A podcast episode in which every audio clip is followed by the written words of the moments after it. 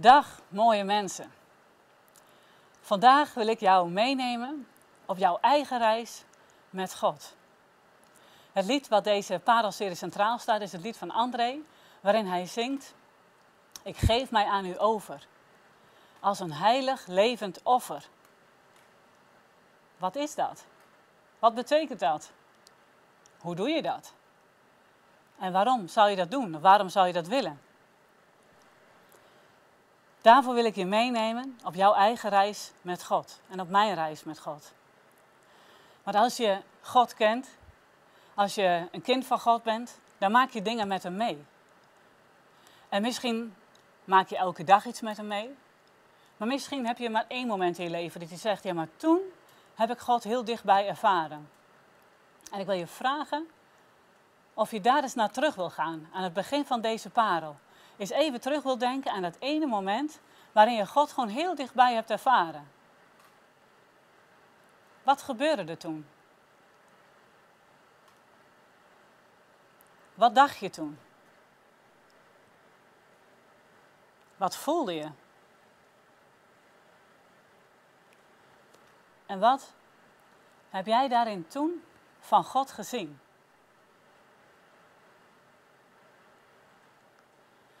Zou je dat kunnen omschrijven in een eigenschap? Of in eigenschappen? Want ik geloof dat die eigenschap die jij toen van God gezien hebt, dat hij, daardoor, dat hij speciaal deze eigenschap aan jou heeft laten zien, toen op dat moment. Omdat hij zich wilde laten kennen door jou.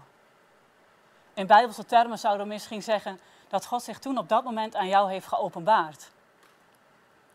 En dat moment mag een gedenksteen zijn. Een moment om weer naar terug te gaan, momenten dat je het lastig hebt of dat het moeilijk is. Dat je zegt, ja, maar toen was God zo en zo.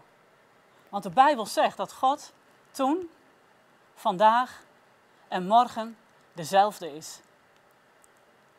Hij is dezelfde. Dus ook vandaag of het nu een mooie dag is of een lastige dag, is Hij zoals jij net hebt bedacht, dat eigenschap van God is in het moment waarin je Hem hebt ontmoet. En ik weet niet welke eigenschap jij net hebt benoemd voor jezelf, van ja, maar zo heb ik God leren kennen. Maar als ik nou niet gescheiden was van jou, van dit schermpje, en jij zou hier zitten en jij zou het vertellen, en ik zou vertellen wat ik van God heb gezien. En we zouden hier met z'n allen in een kring zitten. Dan denk ik dat we met elkaar iets zouden proeven van de lengte, van de breedte, van de hoogte, van de diepte van wie God is.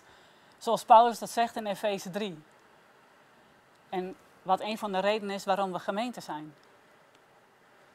We zouden onder de indruk raken van wie God is. En ik weet niet hoe het bij jou werkt. Maar als ik op mooie of op lastige momenten terugdenk aan wie God was of is, dan wil ik hem daarvoor danken. Dan wil ik hem eren. En zullen we daar nu ook even een momentje voor nemen dat we dat doen? Je mag hardop of in jezelf meebidden. Heere God, Dank u wel dat we even een momentje mochten nemen om terug te denken aan het moment waarin we u zo dichtbij hebben ervaren. En dank u wel dat u zichzelf toen zo aan mij liet zien. Ik eer u daarvoor en ik prijs u daarvoor in Jezus' naam. Amen.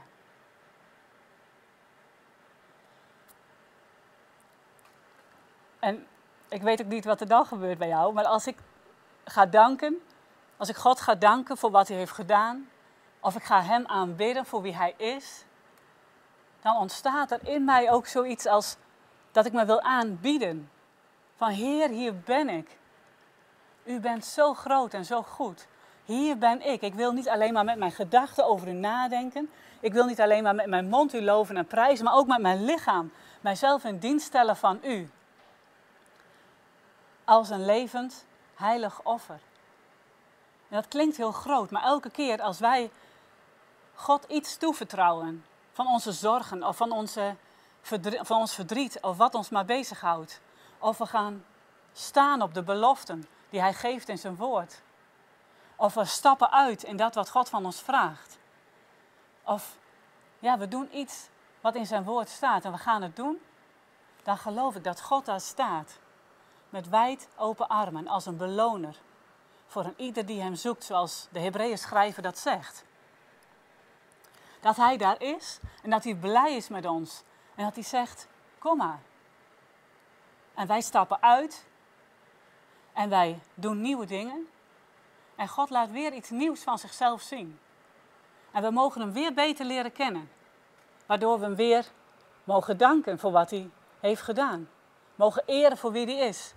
En ons weer meer mogen leren toevertrouwen aan Hem. Waardoor we steeds meer ja, een heilig, levend offer worden voor Hem.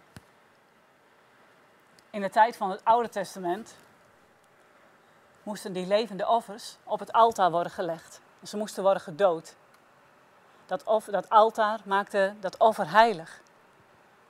Na Jezus dood en na zijn opstanding hoeft dat niet meer. En wij mogen onszelf ten dienste stellen van Hem. Wij mogen levende, heilige offers zijn. En we mogen ons helemaal overgeven aan Hem. Maar waarom zou je dat doen? Waarom zou je dat willen? Ik geloof dat als ik in zijn woord lees en wij steeds meer onszelf leren overgeven aan Hem, door de reis die we met Hem maken, dat we zo steeds meer mogen leunen op wie de Vader is, doordat we Hem hebben leren kennen. Dat we steeds meer mogen leven in de vrijheid die Jezus ons wil geven als we zijn weg gaan. Dat we steeds meer mogen leven in de kracht van de Heilige Geest, die ons elke dag wil bijstaan. En dat we zo steeds meer worden als een kind van de Allerhoogste, wat Hem eert, wat Hem vreugde geeft en wat Hem ook bekend maakt in deze wereld. Zullen we deze parel ook eindigen met gebed?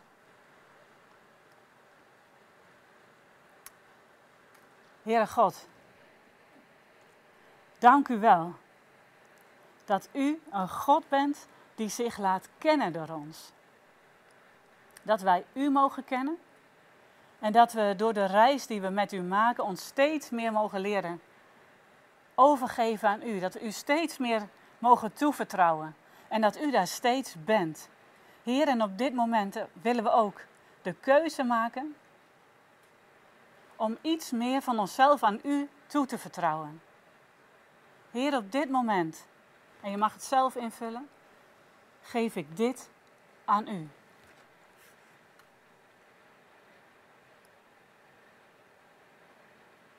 Dank u wel, Heer, dat het veilig is bij u. Dat het goed is bij u en dat u er altijd bent, want het is uw naam, ik ben. U bent er altijd bij. En dat we deze reis weer verder mogen vervolgen met u.